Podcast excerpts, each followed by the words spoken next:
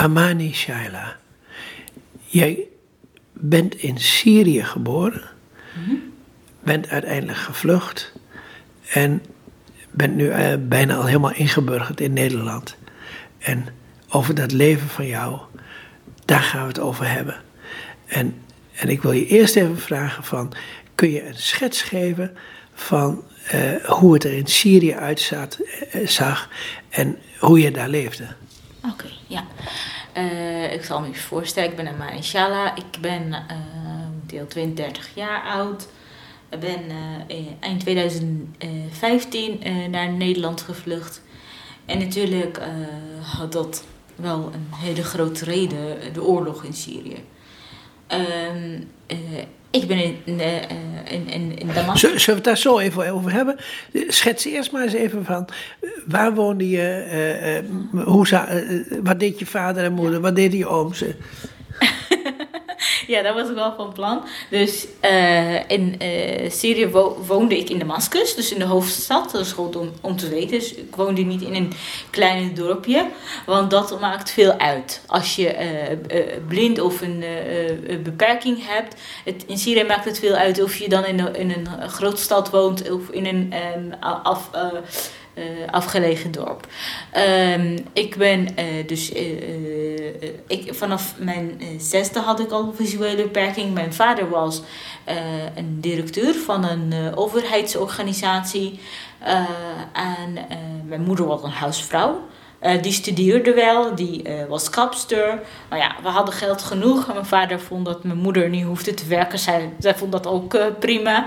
Dus mijn moeder vond dat ook prima. Dus zij eh, eigenlijk werkte niet. Ehm, eh, ik heb eh, nog, wij zijn vijf, kind, vijf kinderen, dus ik ben de oudste. Ik heb nog twee, een broer en zus, die zijn momenteel in Nederland. Een andere broer in Noorwegen. Is ook gevlucht door de militaire dienst, omdat hij niet in, in dienst wilde. En ik heb nog een zus in Syrië, met haar man en drie kinderen. Ik heb eh, dus eh, eigenlijk ben eerst naar een gewone school gegaan, want ik kon in het begin wel wat zien. Eh, op mijn dertiende moest ik naar de blindschool, want ja, mijn, een, een, nicht van mij werkte bij de eh blindenschool en of het eh, toen zeg maar daar rehabilitation centrum voor, eh, voor, blind people. Zo, dus daar ben ik naartoe op mijn dertiende gegaan. Ja, een nicht werkte daar en die zei ja, ze kon helpen met braille leren en zo. Zullen we eerst even, hoe ben je eigenlijk blind geworden? Oh, Wa- Want, Aha. ja? Ja, hoe ik blind ben geworden. Eh, op mijn zesde was ik aan het spelen. Ik was een hele, eh, eh, zeg maar, stoute, energieke kind. Dus ik was vol energie altijd. Ik bewoog heel veel. En ik was op het dak aan het spelen met andere kinderen. En dat dak had helemaal geen beveiliging. Geen, geen, geen afrastering. Geen afrastering, ja, dat zocht ik, dat woordje zocht ik. Geen afrastering en, en hup, ik viel helemaal naar beneden.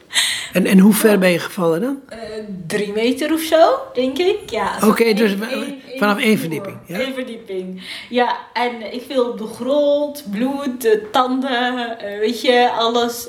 En naar het ziekenhuis. En eh, ja, en toen was er waarschijnlijk het een en ander in mijn ogen, aan mijn ogen gebeurd.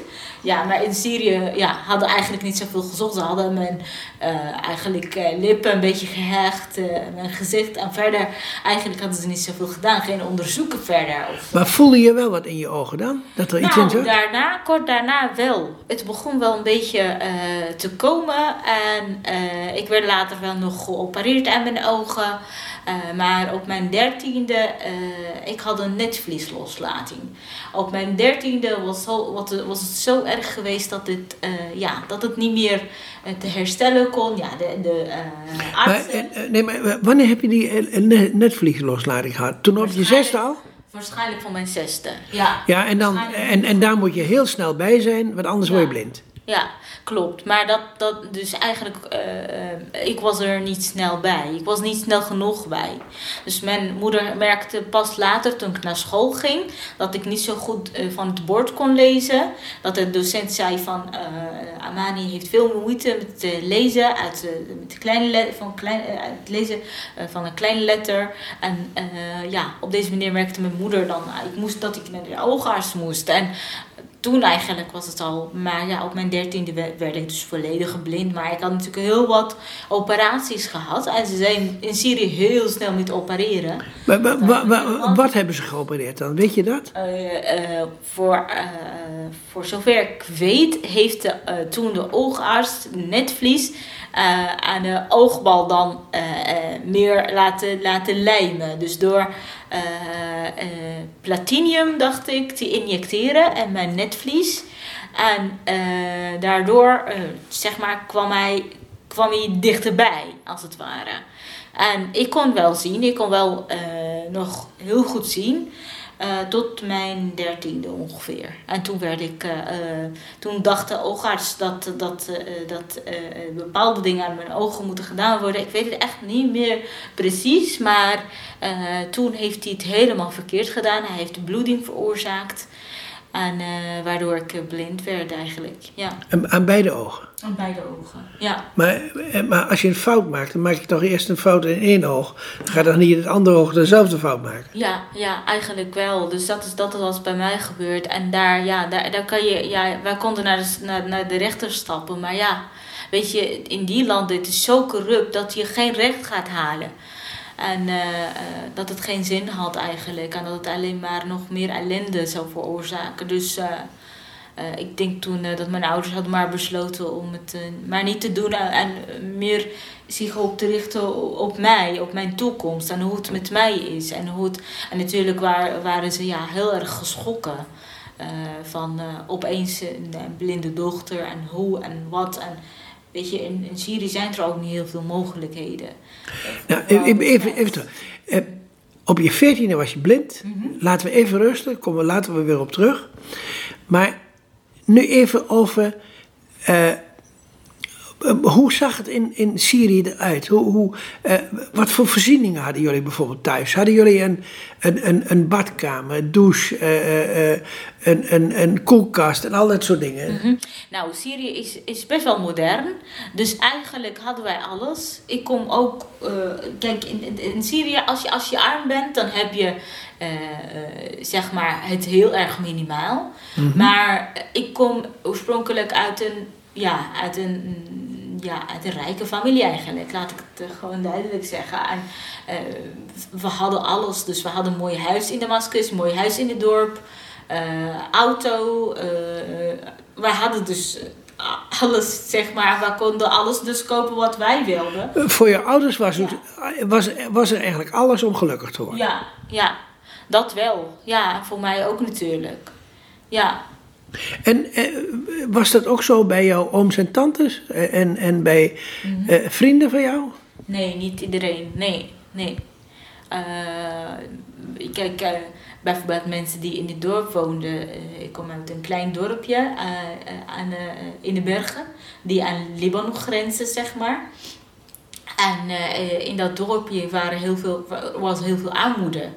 Dus, maar dan heb ik het niet over badkamer of zo, heb ik het niet over hygiëne. Maar mensen hadden niet heel veel. Dus ze hadden het niet breed. Bijvoorbeeld als, eh, als eh, ze hadden bijvoorbeeld alleen maar dan een basisschool en middelbare school onderbouw. En eh, als je dat afgerond hebt, dan ben je klas 9. Dan heb je zeg maar groep, groep, groep 9 voor de Nederlandse maatstaf. Dus als je dat hebt afgerond, dan heb je niet meer de mogelijkheid om eh, buiten het dorp te gaan, eh, want, te gaan studeren. Want dan moet je een huisje huren of maar dan moet je wel heel lang reizen. Weet je, en dan. En, en dat kost ook geld. En het kost heel veel geld. En die ouders hadden dat niet. Dus zoveel hoogopgeleiden waren het er niet. Maar even nou over, want ik neem aan dat jouw vader een hoog opgeleid was. Mhm, dat klopt. En, en eh, eh, hadden jullie dan ongeveer dezelfde voorzieningen die wij ook hier in Nederland hebben? Ehm, nee, ook niet. Want kijk, qua als ik naar straten, naar allerlei dingen kijk, dat, dat hadden wij niet. Niets is aangepast. voor, voor, voor mensen met een, met een beperking. Dus thuis had ik het wel oké. Dus en vooral dat ik het ook. Kijk, het is wel ook heel goed om op te merken dat ik heel veel dingen heb geleerd om op, een, op de normale manier, laat ik het zo benoemen, te doen. Dus ik heb heel snel geleerd om te snijden, om eten te maken, om zo. En dan, eh, eh, er waren niet zoveel, dan moet ik wel altijd oppassen. Maar, maar dat is ook heel goed, dat ja. moeten blinden hier in Nederland ook. Ja, dat klopt. Ja, dat klopt, maar in Nederland wordt er heel veel, uh, veel meer van naar gekeken van uh, uh, durf je dat en zo moet je het aanpakken en je moet het mes zo pakken. Maar nee, je bedoelt ze zijn hier ja, voorzichtiger? Veel voorzichtiger en je hebt veel meer ook materie en je hebt veel voorbeelden en mensen delen dat en zijn ook open over hun beperking. Dus, en de ene moeder vraagt de andere en de andere moeder vertelt heel open over haar ervaring met een blind of slechtziende zoon of dochter. Maar daar had mijn moeder dat niet. Dus zij moest maar iets verzinnen met mij. Dus zij moest maar iets uh, doen, zeg maar. En omdat ik dan zelf ja, eerder heb gezien, dat hielp ook een beetje. Dat ik ook ongeveer wist, maar ik durfde ook alles. Ik durfde gewoon, ik wilde ook niet opeens alles verliezen. Ik heb dan mijn ogen wel verloren, maar niet dat ik ook mijn leven, allerlei leuke dingen die ik zelf kon doen. Je, je was een e-, e-, eigenwijs, eigenzinnig kind en daar gaan we het straks verder over hebben. Ja.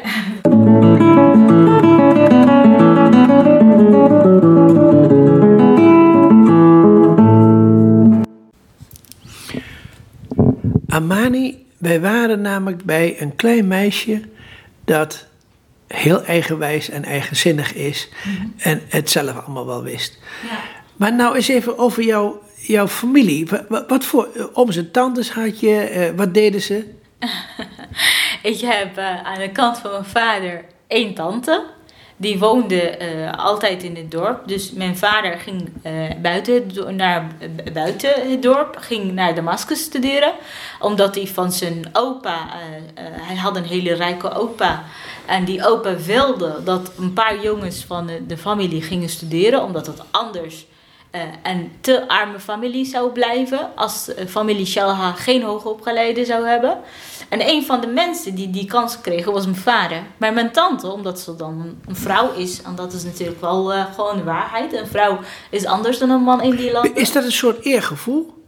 Nou, nee, maar uh, een vrouw hoort dan wel, uh, uh, hoorde dan vooral in dat dorp dan in die tijd heel traditioneel dan, weet je, om, die, die kreeg dan de kans om te trouwen en dan beschouwden ze dat, dat de vrouw dan een deel uitmaakt van de familie van haar man. Dan wordt ze geen familie meer, geen deel meer eigenlijk, of maakt ze veel meer deel uit de familie van haar man dan van haar ouders. En daarom moet je in de zoon gaan investeren. En maar, maar hebben jullie dan ook, ook, ook bruidschatten? Tuurlijk hebben we dat. Ja. ja? Ja, dat, dat, zie je niet zo hoor. In Nederland is het niet zo. Nee, inmiddels weet ik heel veel over Nederland. En uh, nee, dat uh, sowieso niet. Maar ja, dus mijn vader ging studeren en zo. Uh, dus mijn, dat is aan de ene kant. Dus mijn vader studeerde in Damascus. En ik heb dus mijn tante, had ik het over.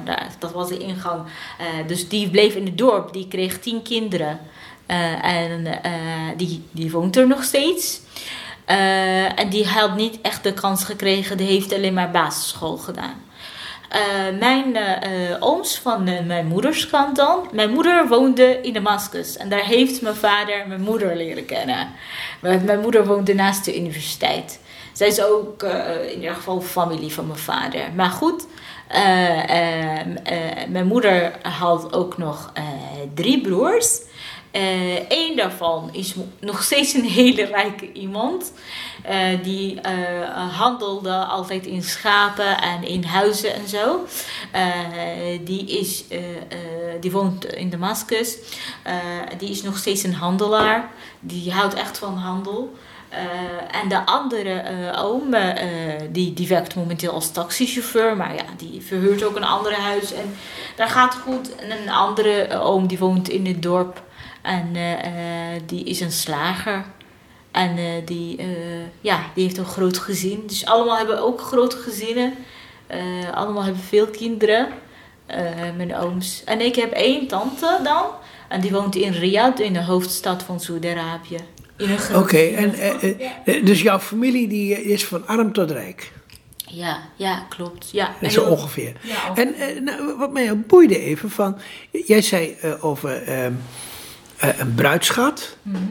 Dus jouw vader, of de, eh, de vader van jouw vader, ja. heeft aan de vader van jouw moeder een bruidschat ge- eh, gegeven.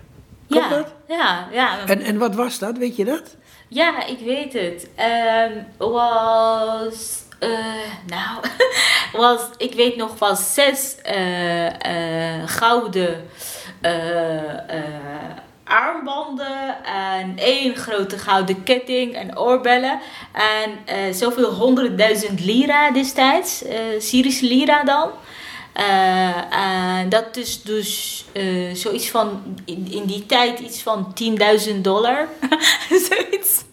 Maar Ja, maar, eh, eh, ja, maar, maar kijk, wij zouden dan een beetje zeggen, dan, dan koop je een bruid. Nou, ja, kijk, het is natuurlijk niet. Mijn, mijn vader hield ontzettend van mijn moeder. En mijn moeder dus ook, weet je. En zij ko- kozen voor elkaar. En het is, eh, maar ja, als je daar moet trouwen, dan moet je volgens de traditie trouwen. Dan moet je het volgens, weet je. En mijn moeder was een ontzettend meid uit een rijke familie. Dus dan moet je wel een grote bruidschat betalen. Dus ja. Ja, ja, ja, precies. Dat ligt aan de stand, eh, hoeveel, hoeveel je moet betalen. Klopt, Eh, maar, eh, maar ze hebben elkaar wel zelf ge- gekozen. Ja, zeker. En eh, ik, mijn, moeder is, eh, mijn vader is momenteel al overleden. Maar mijn moeder ja, houdt ontzettend mijn va- van mijn vader. Zij heeft het nog steeds dagelijks over hem. Ja. Oké, eh, eh, even tussendoor. Van, wanneer is jouw vader overleden? Mijn vader is overleden 40 dagen voordat ik naar Nederland was gevlucht. Dat was dus in, 2000, eh, in augustus 2015. Eh, maar heeft dat te maken met eh, het regime wat in... eh, Nee, ja, mijn vader heeft wel een tumor gekregen, hersentumor. En ja, natuurlijk is de medische behandeling tijdens de oorlog helemaal niet zo best. Maar ja, ik weet niet of het, als het ook geen oorlog was, of mijn vader nog ja, in leven was gebleven. Dus het is heel dubbel, geen medicijnen. Dus hij had heel veel pijn moeten lijden, helaas. En eh, dat is voor ons, voor ons ontzettend pijnlijk, nog steeds natuurlijk. ja. Ja, maar eh, eh, dus door een hers- hersentumor. Ja. Maar dan is jouw vader niet oud geworden. Nee, nee, helaas niet. Nee, mijn vader is maar 56 geworden. Ja. Eh, maar ik wil toch even teruggaan van, jij bent geboren in Damascus. Eh, je bent daar op school gegaan. Hadden jullie ook zoiets als een bewaarschool, wat we vroeger zo noemden, of kleuterschool? Nou, ik eh, ging eerst naar een gewone school. Ik, de kleuterschool had ik, had ik niet, eigenlijk. Eh, en ondanks dat ging ik naar school. Ik, toen ik naar school ging, kon ik schrijven en lezen en van alles doen. En, eh, maar Maar- maar- maar dat op- deed ik dan met mijn moeder thuis. Nee, maar wat, wat- op welke leeftijd ging je naar school dan? Zes. Zes. En, en, zes en je zegt nu dat, dat je op je zesde kon je al lezen en schrijven. Ja, ja, dat is wel. Oh, ja, dat, ja, mijn moeder eh, vond het heel belangrijk dat wij dan eh, ja, fijne tijdsbesteding hadden. Kinderen, ja, kijk, eh, je hebt niet altijd leuke activiteiten voor kinderen daar, net als in Nederland. En mijn moeder vond het fijn om, om met ons samen iedere dag een uurtje te oefenen. En waardoor ik eigenlijk het wel heel snel kon, kon doen op school. Dus Maar, maar, maar, toen je op school zat dan, dan, eh, eh, dan hoef je niks te leren. Nou ja, tuurlijk leer je heel veel bij. Kijk, het is, je doet het al goed. Je leert, je kan schrijven en lezen, maar allerlei andere dingen, maatschappijleer, eh, taal, eh, weet je, allerlei andere dingen, die- die, leren je niet thuis. Heb gewoon, en ook natuurlijk jouw, jouw zeg maar, ook ontwikkeling als kind. Zeg maar, hoe, je sociale ontwikkeling, hoe je met andere kinderen omgaat, ook, dat, dat leer je niet thuis. Dat is, dat is, dat is juist. Ehm, en, maar hoe ging het verder op, school? Wa- Was je, was je goed? Ja, ik was heel goed. Ik was echt, uh, ik weet nog toen ik, uh, toen ik tien jaar oud, ik was uh, dan bij klasveer, toen was ik, dan ik kreeg ik zo een, eigenlijk een soort van een, een prijs toen in, in, de school voor de beste leerling van de school. En ik was echt de beste leerling van de school, weet ik nog. Oh nee toch? Goed, ja, ik moest, nou zo grappig, ik moest op een stoel gaan staan, zodat de hele school mij kon zien, want ik was zo klein. en toen stond daar de directrice en zei... De, de, de, de kleinste is de grootste. Ja, ja, ja, ja. En ik zag toen al eigenlijk slecht.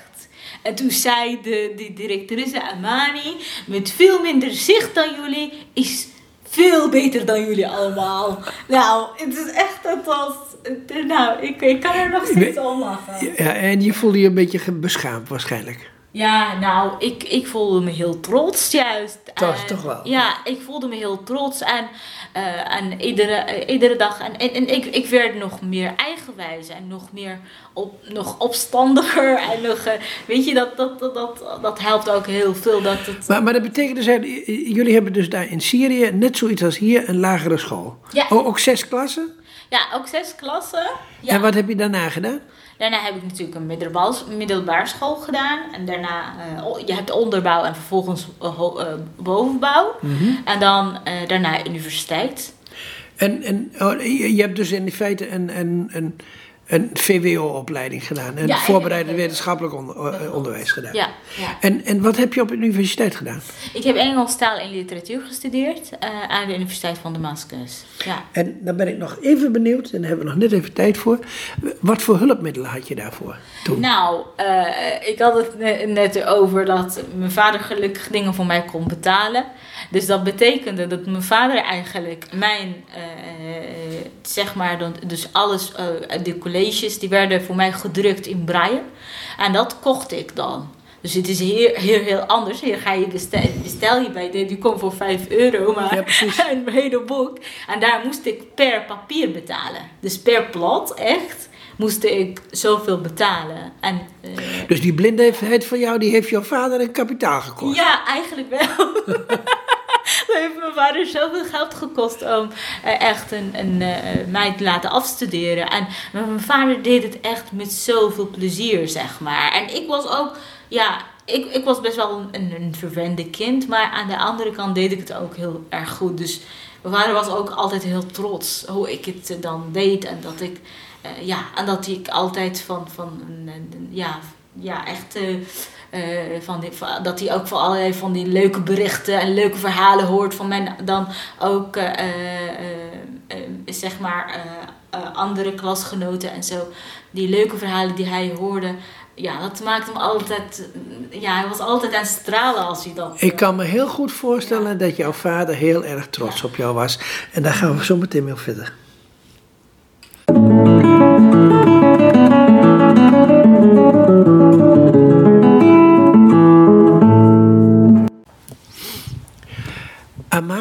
Je had in feite een, uh, de mogelijkheden om heel gelukkig te zijn in, in Syrië, mm -hmm. maar je bent gevlucht.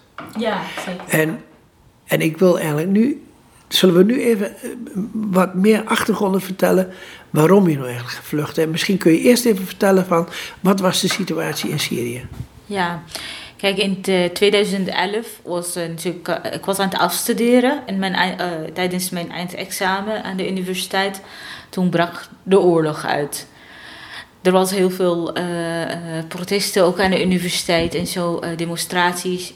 ik was opeens zo angstig dat ik mijn moeder belde: laat maar iemand mij komen ophalen, want ik voelde me niet meer veilig. Zo erg was het. en ja, op een gegeven moment verandert je hele leven opeens.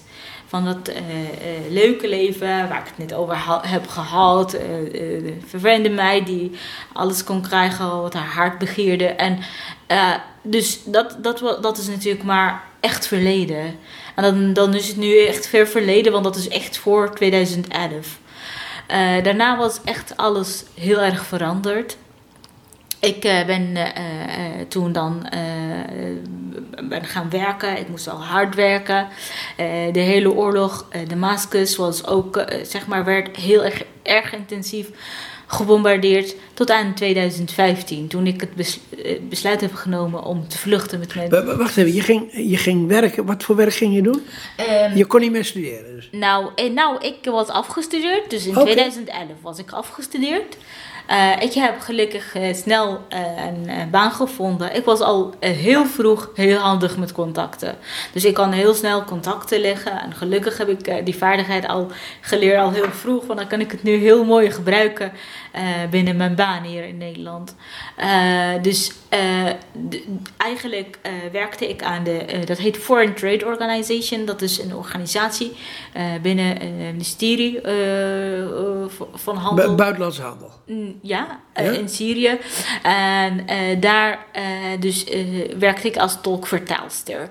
Dus ik tolkte en vertaalde, maar ik moest ook contacten onderhouden met internationale partners. Bij tolken in Engels, Engels, Arabisch? Ja, tolken en vertalen en contacten leggen dan. Ik moest dan bellen met allerlei landen, zeg maar. En allerlei, soms ook dingen van congressen regelen of allerlei andere dingen ook voor de directeur regelen. was ontzettend leuke baan. Heel erg boeiend. En ik vond het heel leuk. Want het was ook voor, voor iemand die blind of slechtziend is, was ook niet te doen in Syrië. Maar ik deed dat wel. En ik kon het wel voor elkaar krijgen. Dus dat was wel, uh, ja, dat was ook heel fijn. In 2013 uh, eh, had ik ook, uh, dat deed ik op vrijwillige basis, was ik een voorzitter van de stichting voor blinde vrouwen. En uh, dat was een landelijke stichting. Uh, ik was de voorzitter daarvan. Ik was uh, nog heel jong, 23. en uh, ik was voorzitter, dus uh, dat was ook ontzettend leuk om te doen. Ja, maar eigenlijk uh, naarmate de oorlog vorderde in Syrië, werd het nog een, heel erg uitdagend om het werk te blijven uitvoeren. En Syrië vooral met twee dingen dan, als voorzitter en ook als tolkvertaalster. Dus ik had beide handen voelen, vol zeg maar aan, aan twee dingen, maar ja maar helaas, uh, uh, de oorlog maar, ja, heeft zeg maar een eind gebreden aan mijn dromen. In mijn, ja, in mijn eigenlijk, uh, in, in mijn land Syrië. Dus ja, er moest gewoon een einde aankomen omdat ik uiteindelijk voor mijn leven had moeten kiezen. En ook voor mijn veiligheid. Ja. Want, ja, kun je even schetsen van, wat was er in Syrië aan de hand? Ja, in, het, was, ja, jij kan je als Nederlander bijna niet voorstellen. Dat hoor ik overal van mensen. Dat die in zulke situatie moet leven. En natuurlijk, nu is het verhaal herhaalt zich een beetje ook in Oekraïne. Maar wat ik in Syrië uh, had gehoord is echt heel, uh, had meegemaakt, is heel erg. Want uh, er, we werden gewoon constant gebombardeerd. als je de deur uitging, was je leven dus niet zeker. vooral als iemand die blind of slechtziend is. Dus ik heb ook bijvoorbeeld altijd als, je bijvoorbeeld, als ik naar, naar werk ging, soms werd naast het werk gebombardeerd aan dat er alle mensen alle kanten zeg maar wegliepen om, om een, een schuilplaats te zoeken. Maar ja, voor mij, waar moet ik heen? Maar, wacht even, wacht even. door wie werden jullie gebombardeerd? Ja. Nou, want want Assad was, was nog steeds aan de nou, leiding, toch? Of niet? Ja, ik, ik woonde dus in Assad-gebied, zeg maar. Ja? Maar ja, allerlei, de oppositie, die gooide bommen onze kant op.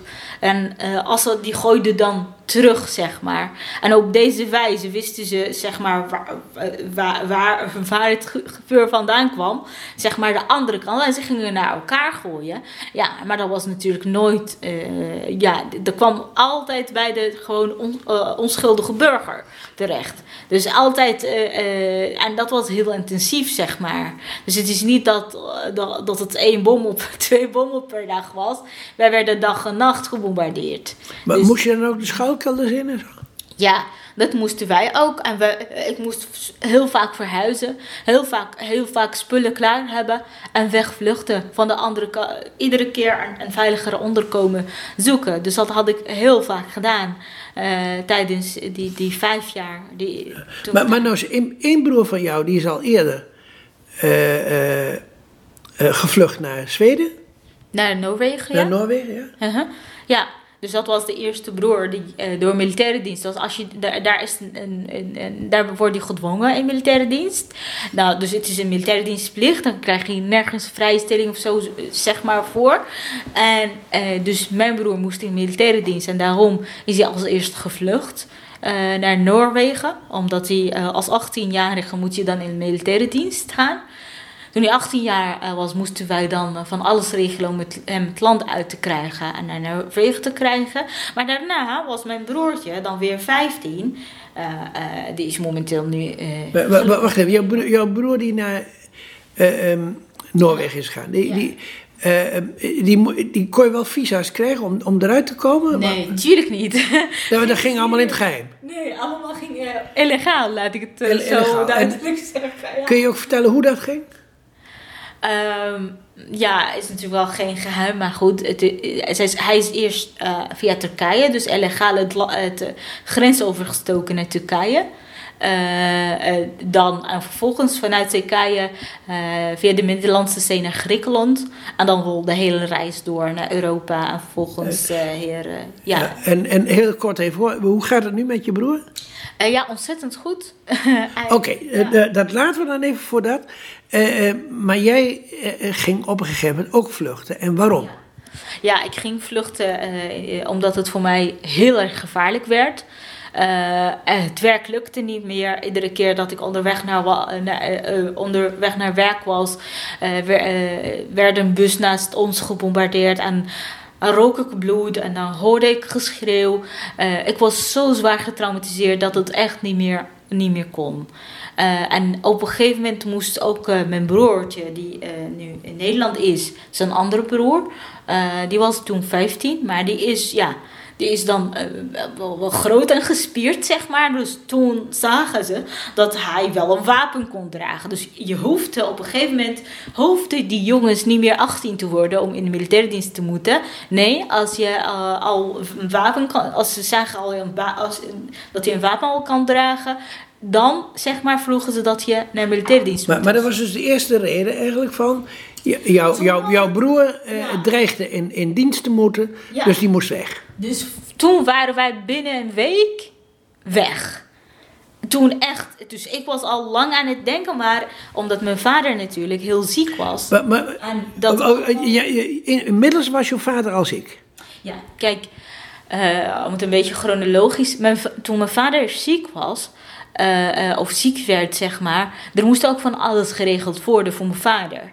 Kijk, we moesten medicijnen uit het buitenland halen. Dus op, op een gegeven moment, de, dat rijke meid die alles had, op een gegeven moment moest, moest ik ook in veel armoede leven. Want wij moesten alles verkopen om medicijnen uh, vanuit het buitenland voor mijn vader te halen. Omdat het dan dat niet meer in Syrië te vinden was. Dus en dat, dat was ontzettend duur. Dus de uh, Syrische leren die kelderde en kelderde maar. Die was zo goedkoop. En we moesten dan in dollar medicijnen gaan kopen. Dus we moesten uh, weer alles verkopen om uh, mijn vader nog in leven te proberen houden. Maar dat betekent in feite ja. dat kinderen moeten in dienst. jullie werden arm. En, en er was oorlog. Er was oorlog, ja. En uh, dat was heel gevaarlijk. En dan, uh, uh, ik, ik, ik wilde nooit eigenlijk weg voordat ik wist hoe het met mijn vader zou aflopen. Heb je wel nagedacht over van wat je allemaal onderweg zou kunnen meemaken? ik heb erover nagedacht. Maar kijk, het, het, is, het is het kiezen tussen twee, twee, kwa, twee kwalen. De, e, de ene kwaal dat je in, in Syrië dood zou gaan. Want dat, dat, dat was uh, wel uh, zeg maar te verwachten. Uh, heel veel bombardementen en zo. Uiteindelijk ga je aan een van die bombardementen dood. of dat ik dood zou gaan in de Middellandse Zee. Of dat ik dat Middellandse Zee zou overleven. En een hele leven zou opnieuw zou kunnen krijgen. Of ja, dus dat, dat was dus uh, de overweging voor ons. En als je opeens zeg maar die overwegingen maakt. Mijn vader was al toen, toen overleden. net overleden. mijn broertje dreigde heel snel in dienst te gaan. En ja, als de broertje in dienst gaat, dan ben je ook als vrouwen alleen thuis ook heel zwak. Ja, maar je, je hebt dus doelbewust het risico genomen. Ja. En vanaf dat punt gaan we zo meteen verder. Moet, ja. Moment.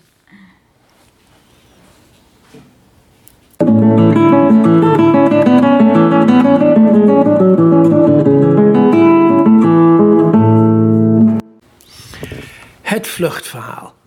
Amani, jij ging op een gegeven moment vluchten. We hebben al in het vorige deel hebben we al gezien eh, waarom. Maar hoe ging het verder en, en hoe regelde je dat? Ja, laat ik het, eh, ja, laat ik het voor, laat ik vooropstellen dat als je uit je land vlucht, dat je nooit, nooit ervoor kiest. Eh, je laat je vertrouwde omgeving achter, je geliefde, alle leuke dingen wat je overal hebt meegemaakt.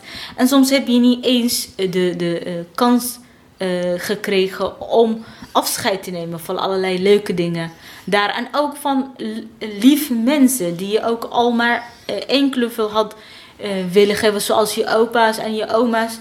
Uh, die, en je vriendinnen ik, en je vriendinnen. vriendinnen. Ja, nou, maar kijk, mijn opa's en mijn oma zijn allemaal inmiddels dood. in die 6,5 jaar ik in Nederland heb verbleven. En ik heb nooit afscheid van hun kunnen nemen. Zijn er ook familieleden omgekomen trouwens in de oorlog? Ehm, niet van dichtbij, gelukkig. Dus niet, niet echt, uh, maar wel verre uh, neven en nichten. Maar oké, okay, okay, jij ging samen met uh, jouw jongere broer, die, mm -hmm. die dreigde in dienst te komen, ja, en, en ja. nog een zus. Ja. Gingen jullie uh, voorbereiden om te vluchten. Dat klopt. En dat had wel wat voeten in de aarde. Dus uh, ik heb eerst, want ik werkte daar in Syrië. en ik moest een hele verhaal verzinnen dat ik in Libanon een behandeling ging ondergaan voor mijn ogen dat er opeens iets te behandelen valt. En, en dat was natuurlijk een goede smoes. En, want ja, je moest... Dus... En je moest begeleiding mee hebben? Nou, ja, je moest. In Syrië kun je niet zomaar weg. Het is ook als Syriër, er zijn niet zoveel landen die je verwelkomen. En ook uit Syrië weggaan is ook niet zomaar, kan niet zomaar. Dus het werk moest toestemming geven. Ik moest een, een, een stempel op mijn paspoort krijgen van mijn werk, dat ik toestemming heb om even naar Libanon te gaan. Weet je? En toen uh, heb ik het. Maar, maar wisten ze op jouw werk dat je ging vluchten? Nee, tuurlijk niet. Okay. Heel veel familieleden ook niet.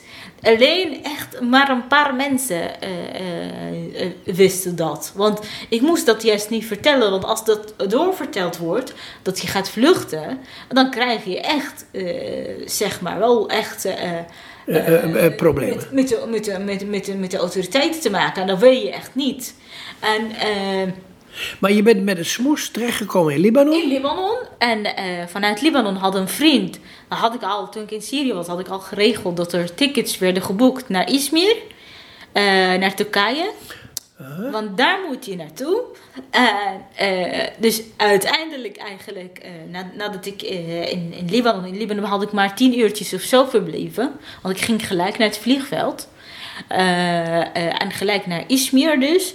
Maar ja, ik wil ook de, de luisteraars even uh, meenemen met het gevoel toen ik even net buiten de Syrische grens was. Nou, dan, na vijf jaar lang in de oorlog, ik ging echt aan de muren voelen dat ik echt, nou, ik ben even, zeg maar, is dit realiteit? Echt met mijn zus bij me en mijn broer echt elkaar zo omhelzen van we zijn nu even veilig. Even na heel lange tijd zijn we even veilig. Uh, even geen bombardementen, even geen bloed. Weet je, en daarna het weg vervolgd naar het vliegveld, daar gewacht. En dan het vliegtuig naar Izmir, waar ik ook met smokkelaars dan had, had moeten afspreken. Voor het eerst in mijn leven dat ik met criminelen te, te maken... Moest onderhandelen? Moest onderhandelen. Ja, en uh, weet je, en het is, het is heel ernstig, want je bent daar nog, het is nog erger dan, dan ja, het is heel, laat ik het zo zeggen, het is heel vergelijkbaar met, met, met de oorlog, want je bent ook weer je leven niet zeker. Uh, uh, dus uiteindelijk hebben wij er eentje gevonden, die, die, was net zo erg als de andere natuurlijk. Je bent daar maar een, een, een duizend dollar. Je bent maar een cijfer voor hun. Uh, en uh, ja, ik moest dus 3000 dollar betalen voor mij, mijn zus en broertje. Uh, om in die rubberboot te oversteken naar, naar Griekenland. Een gevaarlijke tocht. Heel gevaarlijke tocht. Echt heel gevaarlijk. En wat heel erg is, ja, als je met die mensen afspreekt, dan zijn ze heel erg eh, fijn, lief voor jou. En dan zeggen ze van nou, er worden niet zoveel mensen gestopt in die boot. Uh, dat komt wel goed, je ziet het en zo. Het is, uh, wij regelen het heel goed. En als je in die bus gaat ergens, want dan spreken ze met jou af bij een bepaalde punt in Izmir, of in een andere stad, maar bij, in mijn geval dan Izmir. Uh, dan uh, uh, moet je die bus in. En dan rijden ze jou hele Turkije door, totdat je geen stroom meer hebt, geen telefoon om te bellen, niks meer hebt. En dan kom je ergens bij een kust aan, dan weet je niet meer waar je, waar je bent. En dan moest, moet je een bepaalde rubberboot in. Van 6 meter was onze boot. Gingen wij rubberboot een kleine boot met 62 mensen. Uh, ik was de laatste met mijn broertje en zusje die de boot uh, uh, ingingen. En ik weigerde dat. En ik weet nog, toen die, een van die mensen bij de smokkelaar mij zo sjouwde en zo over de mensen heen gooide in die boot. En dan weer met. Hij sjouwde jou, jou ja. Ja? ja, hij sjouwde mij erin. En hij dreigde, als je de boot niet ingaat, dan gaan we schieten. Zouden ze je doodschieten? Ja, ja dat, ik, ik, denk het wel. Ik denk als ik dat niet deed of als ik uh, weigerde of zo, dat nog meer. Uh, uh, toen moest je weer een keuze maken. Ja, of hier je... dood of, of, of, wij, ja, of het risico. ja, ja, overal moesten wij, die, die, stonden hier voor die keuze. En toen zegt hij dan tegen die, diegene die de boot dan bestuurde: vaar, weet je, van go, weet je. Dan, dan, ja, en dan uh, uh, zeg maar moesten wij varen. En op een gegeven moment liep onze boot over met water. Vlakbij de Griekse kust. En het was, het was al, al 11 uur s'avonds. Dus, hoe, lang, hoe lang was je al onderweg? We waren al vier uur onderweg. En het is eigenlijk zo'n klein stukje. Dus uh, um, ik denk met een gewone boot dat hij maar een half uurtje erover doet. Ja, ja, precies. Ja, en alleen ja, het was zo ernstig. Twintig kinderen op de boot. Die waren de hele tijd natuurlijk aan het huilen. Uh, en uh, toen ja, waren we bijna verdronken. uiteindelijk gelukkig ja, dat, wij, dat er iemand die was aan het vissen in de nacht. een Griekse iemand die zag ons. En die waarschuwde dus de kustwacht. En die uh, zijn ons on, komen overhalen. Om zeg maar, nou ik weet niet meer. Als ik het over heb, is het altijd weer altijd lastig. Dan, dan eigenlijk moet ik weer naar, ja, kom ik niet meer uit mijn woorden. Dus het is echt zo lastig. Maar ja, uiteindelijk heeft iemand mij uit het water gevist.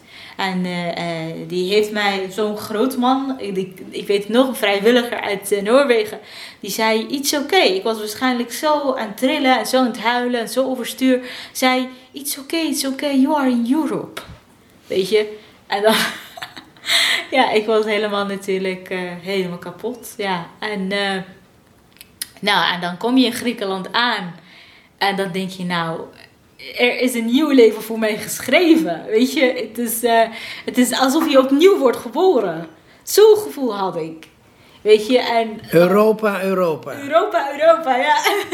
Je, ja, nu is het... Uh, wij hebben de droom bereikt. Uh, wij, hebben, wij zijn in Europa aangekomen. Ja, maar, maar, ja. maar, maar Europa... Uh, was ook nog een hele struggle. Hè? Ja, ja het, het bleek heel anders dan uh, hoe. Uh, en dat, dat, dat, zeg ik ook tegen mensen. Europa is echt heel anders dan hoe wij in die landen denken. Ja. Nou ja, wij, wij, weten nou ook, in, in, Nederland weten we ook dat die asielprocedures dat die heel, heel beroerd gaan. Je wordt van het ene hokje naar het andere gestuurd enzovoort. Ja, maar waarom wilde je naar Nederland?